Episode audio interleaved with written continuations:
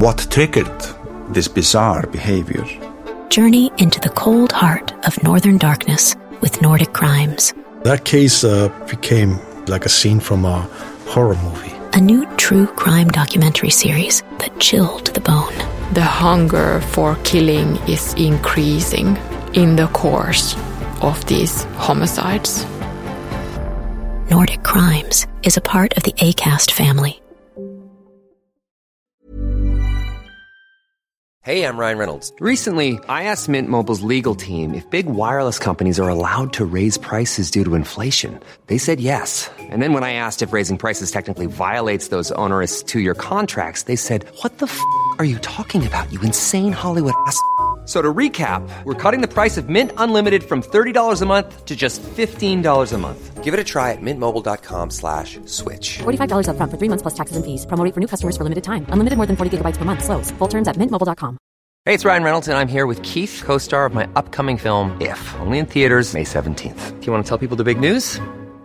All right, I'll do it. Sign up now and you'll get unlimited for $15 a month in six months of Paramount Plus Essential Plan on us. Mintmobile.com slash switch. Upfront payment of $45 equivalent to $15 per month. Unlimited over 40 gigabytes per month. Face lower speeds. Videos at 480p. Active Mint customers by 531.24 get six months of Paramount Plus Essential Plan. Auto renews after six months. Offer ends May 31st, 2024. Separate Paramount Plus registration required. Terms and conditions apply if rated PG. Hiring for your small business? If you're not looking for professionals on LinkedIn, you're looking in the wrong place. That's like looking for your car keys in a fish tank.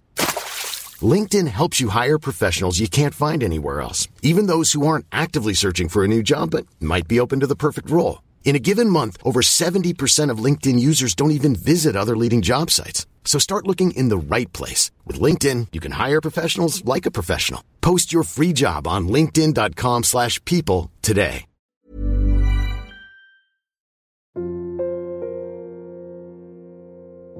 Men alldeles oavsett det så är det faktiskt inte jag som har skickat någon att skjuta honom. Och i det här mötet så, så får jag en telefon. Som hon har laddat där. En knapptelefon. Och jag kan faktiskt säga att om jag skulle vilja ha honom död, eller hur man nu uttrycker det, eller så, så hade jag kunnat ordna det med lätthet. Den 6 september 2019 skjuts en advokat i sitt trapphus i centrala Stockholm. Skytten springer från platsen och det ska visa sig vara mer än en slumpartad attack. Attentatet på advokaten har planerats under olika former i flera år. Det här är Svenska fall och del två av mordförsöket på stjärnadvokaten. Mitt namn Elsa Sandin.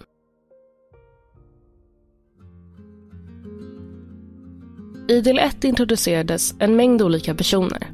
Bland annat advokaten Fredrik och hans exfru Eva som har legat i tvist. Bland annat om vårdnaden på deras gemensamma barn och olika polisanmälningar som de båda har gjort mot varandra. Även Anna introducerades. En kvinna som Eva träffat på en restaurangtoalett sommaren 2018. Resterande delen av året ska handla om att hitta någon som kan ta livet av exmaken Fredrik. Som enligt Eva är en hemsk person som har behandlat både henne och deras gemensamma barn fruktansvärt under flera år.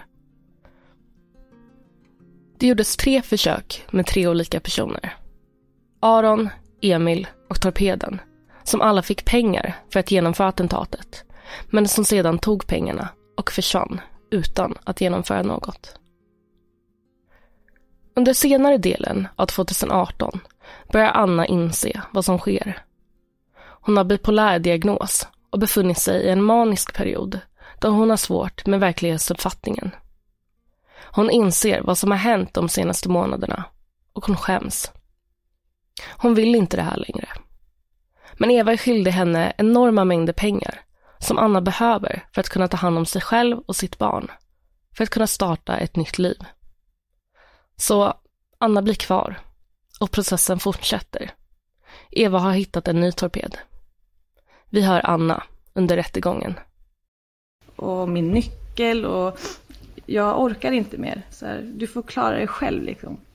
Eh, och, då börjar hon liksom så här, äh, men tänk, tänk på, tänk på mina barn. Tänk hur hemskt de har det. Tänk på dina barn. Tänk på, tänk på. Och om du bara gör det här så kommer du få tillbaka din nyckel och dina pengar. Och eh, rödgråten då så, eh, så ger jag mig upp från min säng och eh, där jag har legat i några dagar.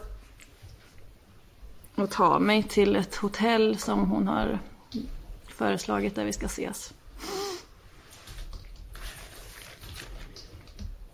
Eh, Freys hotell eh, tror jag det heter, eh, vid T-centralen. För det är så här, ett hundvänligt ställe.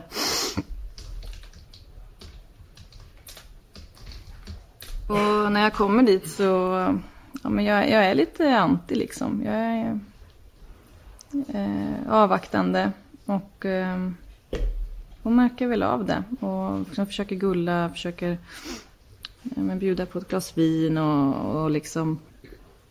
Och i det här mötet så, så får jag en telefon. Som hon har laddat där. En knapptelefon. Och eh, med den här telefonen så vill eh, jag ska ringa ett samtal till Inte inte eget namn utan under namnet Kristina.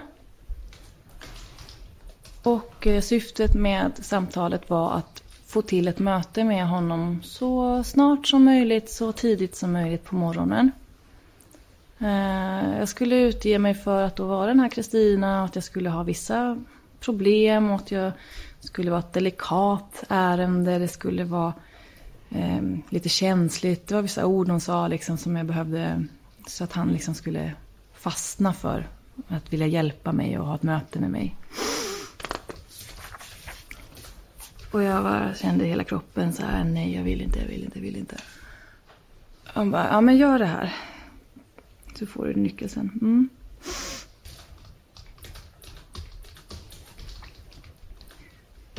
Så hon liksom coachar och peppar och så här, men säg så här, gör så här. Jag bara, men skitsamma, så här, jag, jag, jag gör det bara. Så att jag tar telefonjäveln och så går jag i tunnelbanan. Och så åker jag till Odenplan och så sätter jag mig på kyrktrappan där vid Odenplan. Och så startar jag igång telefonen. Och så tar jag ett djupt andetag. Och så ringer jag. Och så ja, försöker gå in liksom i rollen. Ja, men jag är Kristina. Alltså så här, jag bara... Och där på andra sidan luren så, så hör jag liksom en röst. Och det här, det är liksom, det här är, det är en riktig människa som, som liksom, som jag får kontakt med. Och um, innan så har ju liksom han bara varit som ett spöke. Som en demon som har liksom blivit uppmålad som, ja, som jordens avskum liksom. Eh, inte ens nästan varit verklig på, på, ett, på ett märkligt sätt. Och, eh, men här blir han liksom, han blir en riktig människa här. Eh, och ändå så, så fullföljer jag liksom det här samtalet. Vi bokar in ett möte. Tackar så mycket. Lägger på. Tar isär telefonen och bara slänger den i närmsta soptunna. Ja, så smsen och samtalen har vi hört både Fredrik och Eva berätta om i del 1. Och Eva erkänner att det är hon som är både Kristina, Maria och Stefan. Precis som Fredrik misstänkt. Vi hoppar fram i tiden och lämnar Anna och 2018 en stund. Det är den 9 september 2019. Tre dagar har gått sedan Fredrik sköts i sitt trapphus. Eva har tagits in på förhör, men släpps i brist på bevis på att hon skulle kunna ligga bakom någon förberedelse till mordförsöket. Men polisen är inte övertygad. De är förberedda på att hon kan släppas och därför har de en spanare redo som följer efter Eva så fort hon kliver ut från häktet. Och det första Eva gör är att köpa en ny telefon. Med den kontaktar hon inte sin advokat, vänner eller familj, utan någon vi kan kalla Jocke. Jocke är tidigare känd av polisen. Han har en gedigen karriär som grovt kriminell. Historierna om hur Jocke och Eva känner varandra går lite isär beroende på vem man frågar. Men polisen kan bland annat se på utdrag ur deras telefoner att de har haft intensiv kontakt under 2019. Polisen börjar titta närmare på Jocke, vad han har gjort de senaste dagarna. De kollar på telefonkontakt mellan Jocke och Eva och även kontoutdrag. I samband med att polisens utredning fortsätter så kommer även DNA-testningen från brottsplatsen tillbaka. Om ni kommer ihåg så blir Fredriks knogar topsade när han anländer till sjukhuset efter skjutningen eftersom han har slagit gärningsmannen under dådet och på så vis eventuellt kunde ha gärningsmannens DNA på händerna. Och DNA-proverna visar med högsta graden sannolikhet, en så kallad plus 4, att det är en man som vi kan kalla Marcel. Marcel är en tungt belastad kriminell, dömd för flera grova rån och rymningar. Han har suttit i fängelse stora delar av sitt liv och är känd av polisen. Men polisen har fortfarande många frågor. Det finns ingen koppling mellan Marcel och Eva. Och det finns inget motiv till varför Marcel skulle vilja skjuta Fredrik. Men det finns en koppling mellan Jocke och Marcel. De har nämligen avtjänat straff på samma fängelseavdelning. Polisen letar vidare efter bevis. De plockar fram filmer från övervakningskameror över området där skjutningen skedde. De vet också att Marcel har en vit Volvo och på en av övervakningsfilmerna dyker bilen upp samma morgon. Polisen tar ut mer bevis för att se hur bilen har rört sig i Stockholm city och följer upp det med fler övervakningsfilmer. Den vita Volvon har nämligen varit i exakt samma område under månaderna hela veckan. Det är även en annan bil som dyker upp lite senare tider, men ungefär samma dagar. Och den bilen visar sig tillhöra Jocke. Polisen har även kunnat identifiera både Marcel och Jocke på övervakningskamerorna när de står stilla eller går runt i området. Samma dagar och vid samma tider som bilarna syns. För polisen står det ganska klart att Marcel är skytten, stärkt av DNA-bevisen från brottsplatsen. Både Marcel och Jocke plockas in på förhör flera gånger. I december 2019 plockas Jocke in på förhör där han förklaras misstänkt för mordförsök i samförstånd med Marcel. Bevisen finns bland annat på övervakningsfilmerna. Han grips dock inte under den här tiden. Polisen vill samla in mer bevis. I samband med Jockes förhör tas även Marcel in på förhör och vägrar till en början att kommentera överhuvudtaget någonting som förhörsledarna frågar eller påstår.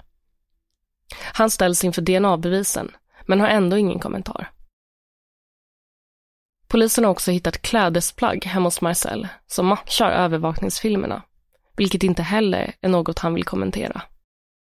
Det ska dröja till den 10 mars 2020 innan han vill berätta vad som, enligt hans utsago, hände i trapphuset.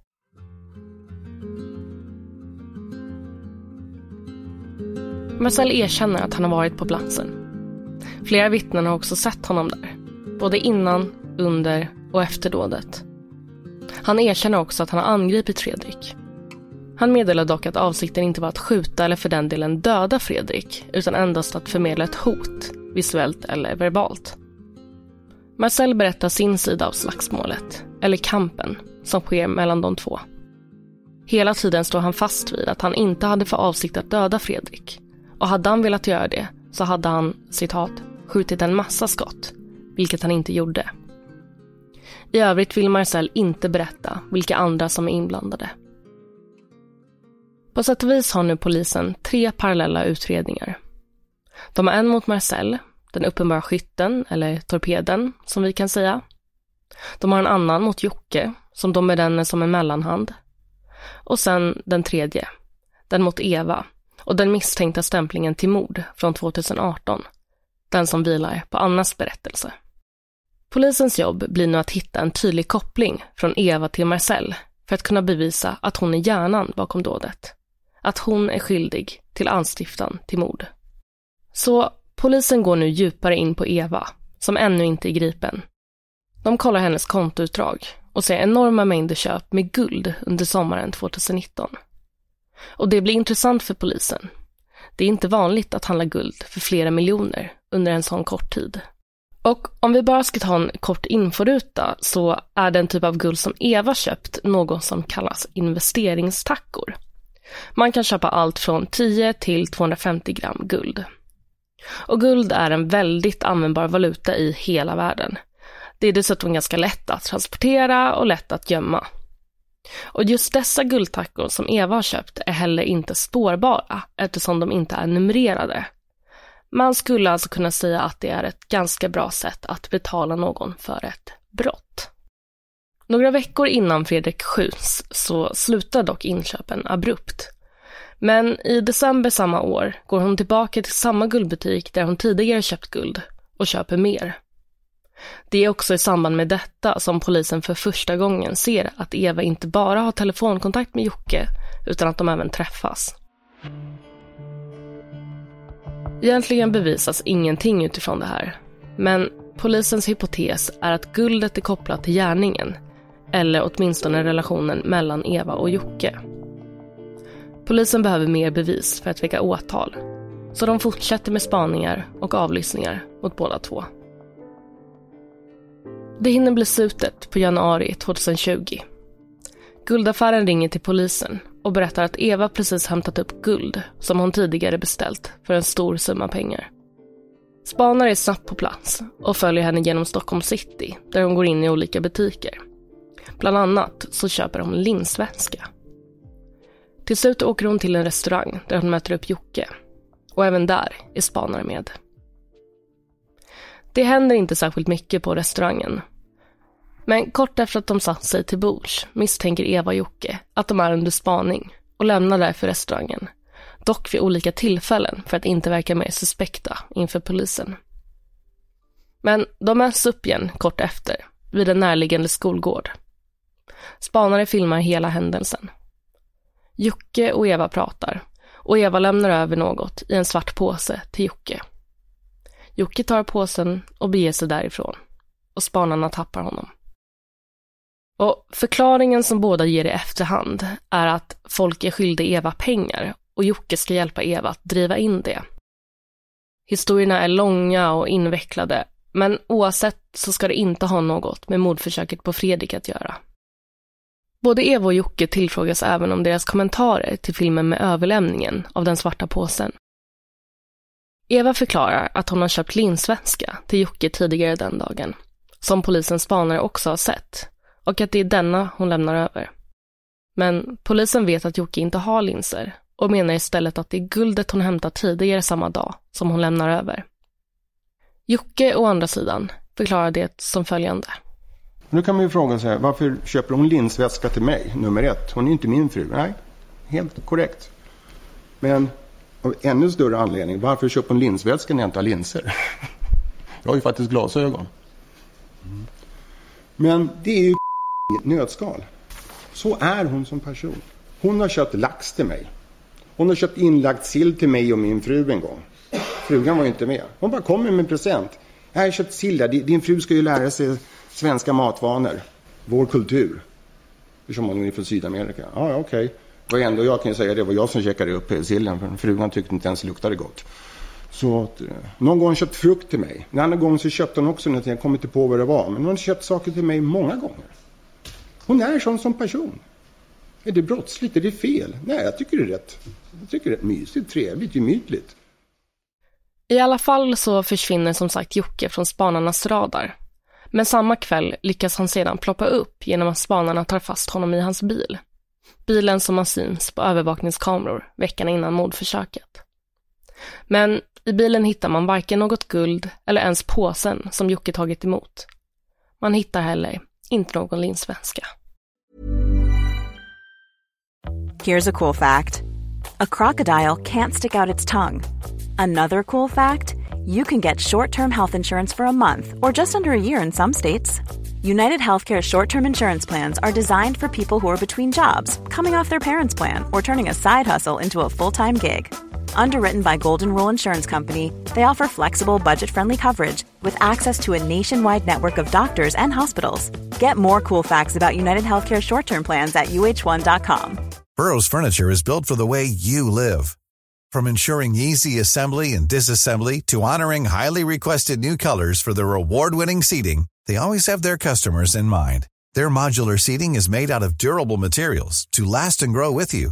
And with Burrow, you always get fast, free shipping.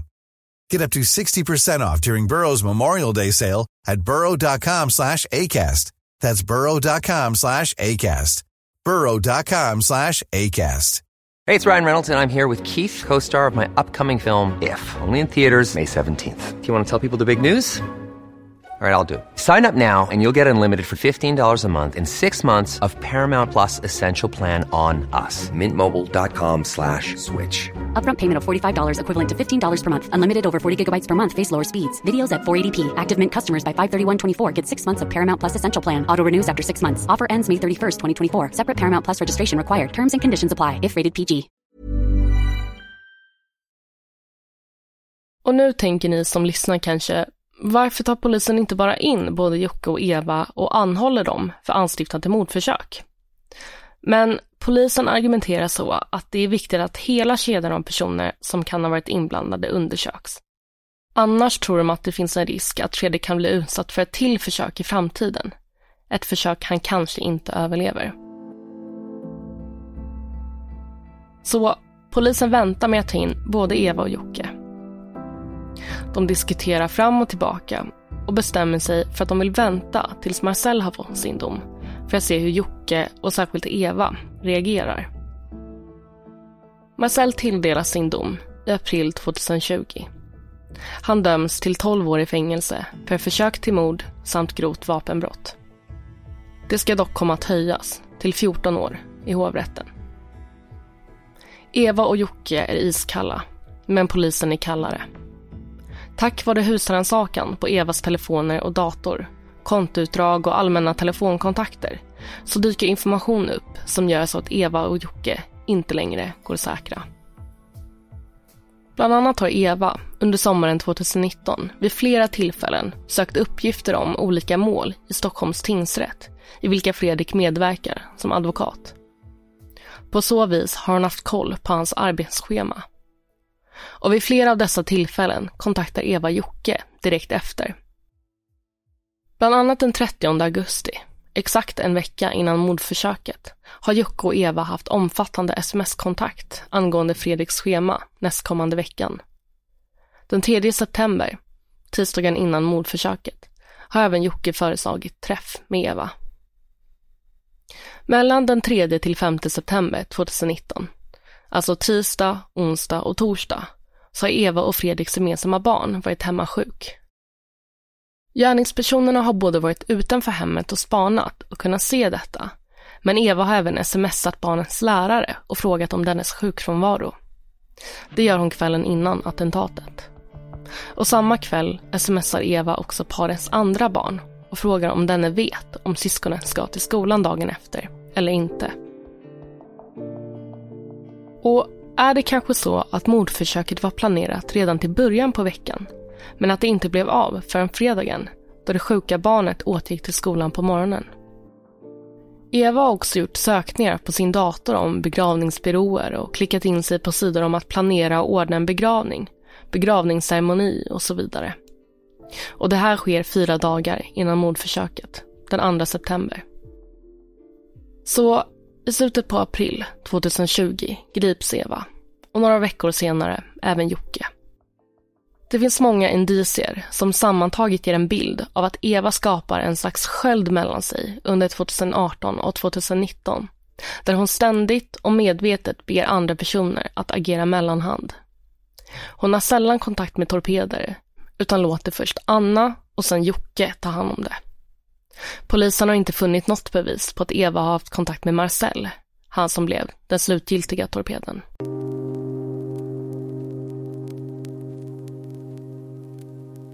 I rätten säger Jocke inte mycket, mer än att han erkänner kontakten mellan Eva och honom. Han säger dock att han inte har gjort sig skyldig till något brott. Eva nekar till allt. Vi hör henne under rättegången. Men alldeles oavsett det så är det faktiskt inte jag som har skickat någon att skjuta honom. Och nu, äm, äm, äm, han har varit alldeles fruktansvärd i jättemånga år. Alldeles över alla gränser. Men eh, det är väl en sak att tycka väldigt, väldigt illa om någon. Alltså för det första är jag inte lagd äh, åt det hållet och känna hämnd. Det löser ingenting. Absolut ingenting. Och eh, jag har säkert uttryckt flera gånger, eller inte bara säkert, jag vet att jag har uttryckt flera gånger att tänk vad allt skulle vara enklare om man inte fanns typ. Men det har jag bara sagt till de som jag verkligen är förtrolig med. Och det är inte i någon slags avsikt att jag ska se till att han inte finns. Och jag kan faktiskt säga att om jag skulle vilja ha honom död, eller hur man uttrycker det, eller så, så hade jag kunnat ordna det med lätthet. Fredriks tes är att hans exfru lyckas sitta dessa torpeder genom att först och främst säga att hon är domare och sen att hon har en hemsk man som slår henne och allt vad det är. Och torpederna går på det och tänker att det inte är okej att han misshandlar sin fru. Fredrik säger att Eva är oerhört manipulativ och det är så hon får med sig alla. Från Anna till Aron, Emil, torpederna, Jocke. Vi backar tillbaka bandet, bara för att höra vad som hände med Anna. I januari 2019 flyttar hon ifrån Stockholm för ett nytt liv. Men innan dess, i oktober 2018, så gör Anna ett besök hos Eva. Hon säger att hon vill ha tillbaka sina pengar. Vi hör Anna berätta om besöket. Att eh, ja, gör du det, eh, gå du till polisen mer eller mindre och eh, men tänk dig för, passa dig väldigt noga för vad som kommer att hända. För du vet också att du har en viss inblandning i saker och ting. Eh, var beredd på att eh, de kommer ta din dotter ifrån dig. Eh, om du berättar någonting av vad du vet. Eh, men varsågod, gå till polisen. Anna berättar för sin mamma om allt. Men hon säger att hon inte vågar gå till polisen. Men så sker skjutningen. Och Anna är då på Öland. Hon fattar direkt. Hon vet att det är Fredrik som skjutits. Och hon vet att det är Eva som ligger bakom allt. När Eva släpps efter sitt första förhör så inser Anna att det här inte går. Hon måste berätta så att Eva inte går fri. Hon måste berätta sin sanning utifrån sina upplevelser. Vi hör Anna igen under rättegången. Det var historier om kriminella nätverk och hans liksom eh, klientel och hej och hå. Och jag bara kände, nej, alltså det får inte vara sant. Sen eh, efter att hon hade blivit frisläppt från sin häktning, tror jag det var, tre dagar kanske efter själva det här, då, då hade jag i samråd med, med min mamma och min syster ett allvarligt snack och eh, det mynnade ut i att jag eh, kände att jag, eh, jag kan inte, av många olika anledningar så kan jag inte hålla den här informationen som jag besitter inne i mig längre. Om inte jag skulle berätta så skulle säkert min mamma eller min syster göra det. Och då är det lika bra att jag berättar min sanning utifrån det jag har upplevt. Um, för att dels kunna liksom bli fri från den här ångesten och skammen och skulden som jag har burit under väldigt lång tid som har fått mig att må väldigt dåligt. Men också för att det måste bli ett stopp. Det kan inte få fortsätta. Alltså rätt måste vara rätt. Um, och vad som är rätt och vad som är fel i hela den här sjuka historien kanske inte är jättetydligt men man får inte döda en annan människa. Man får inte göra det. Och jag vet att jag har försökt att hjälpa en människa att göra det här men jag såg inte liksom han som en människa. Det var, det var liksom någonting annat. När domen kommer, som till stor del baseras på Annas historia, så beskrivs det att det inte finns någon anledning att tvivla på den. Just att hon aktivt berättar om sin egna inblandning stärker hennes trovärdighet samt att hon inte har någon anledning till att falskeligen ange dessa personer som skyldiga. Vittnen, kontoutdrag och telefonkontakter kan också bekräfta historien som Anna berättar. Utredningen visar att Eva är den som ursprungligen burit på önskan att ta livet av Fredrik. Och det råder inget tvivel om att hon har velat förverkliga den önskan. Och så kommer domen. Och innan vi går in på domen så ska jag förtydliga några termer. Stämpling till mord innebär att någon försöker få någon annan att utföra mordet. Alternativt att någon åtar sig eller erbjuder sig att utföra det. Förberedelse till mord innebär att någon tar emot eller lämnar pengar som betalning. Och anstiftan till mord innebär att någon förmår någon annan att utföra en gärning. Och för att kunna bli dömd till det krävs det att gärningen antingen fullbordades, så som att personen mördades, eller att det gjordes ett försök. Så Eva döms först i tingsrätten och sen får hon ett skärpt straff i hovrätten. Hon döms till 15 års fängelse för både anstiftan av försök till mord och förberedelse till mord. Eva förekommer även i belastningsregistret tre gånger i form av besöksförbudet som Fredrik har mot henne, våld mot tjänsteman och våldsamt motstånd. Och uppgifterna om att Eva ska ha blivit misshandlad av Fredrik är vaga. Eva har inte presenterat tillräckligt med omständigheter som talar för det, samt att tidigare polisanmälningar har lagts ner. Ett vittne har också berättat om hur Eva har bett honom att misshandla henne. Och vittnets hypotes är att Eva har bett honom göra det för att hon i efterhand ska kunna påstå att det var Fredrik som gjorde det. Jocke döms till medhjälp till försök till mord, fängelse i sex år. Aron och Emil, som båda är 17 år under 2018 och kontakten med Eva, döms till skyddstillsyn för stämpling till mord respektive skyddstillsyn för förberedelse till mord. Eftersom Anna begått sina gärningar under påverkan av allvarlig psykisk störning så anser rätten att hon i första hand ska dömas till en annan påföljd än fängelse. Så även hon döms till skyddstillsyn. Men så återstår en fråga. Guldet. För mellan 2019 och 2020 har Eva köpt 75 guldtackor för över 3,5 miljoner kronor. Polisens tes är att guldet utgjorde betalning för uppdraget att döda hennes exman. Men eftersom guldet aldrig har hittats så kan det inte bevisas. Vad har guldet tagit vägen? Eh, det guld som jag köpte innan jag greps i början på september är i tryggt förvar. Och sen så när jag fortsatte köpa guld. I tryggt förvar på vilket sätt då? I ett väldigt tryggt förvar. Mm. Varför kan du inte tala om var du har guldet? Nej, det vill jag inte göra. Du har lyssnat på Svenska fall, del 2 av mordet på stjärnadvokaten. Mitt namn är Elsa Sandin. Tack för att du har lyssnat.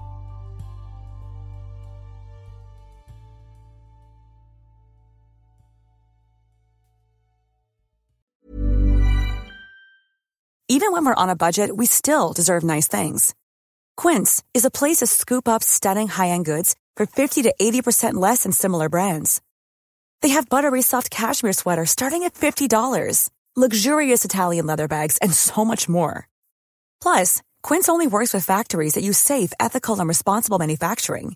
Get the high-end goods you'll love without the high price tag with Quince. Go to quince.com/style for free shipping and 365-day returns. What triggered this bizarre behavior? Journey into the cold heart of northern darkness with Nordic crimes. That case uh, became like a scene from a horror movie. A new true crime documentary series that chilled the bone. The hunger for killing is increasing in the course of these homicides. Listen on Apple Podcasts, Spotify, or wherever you get your podcasts. Nordic Crimes is a part of the ACAST family.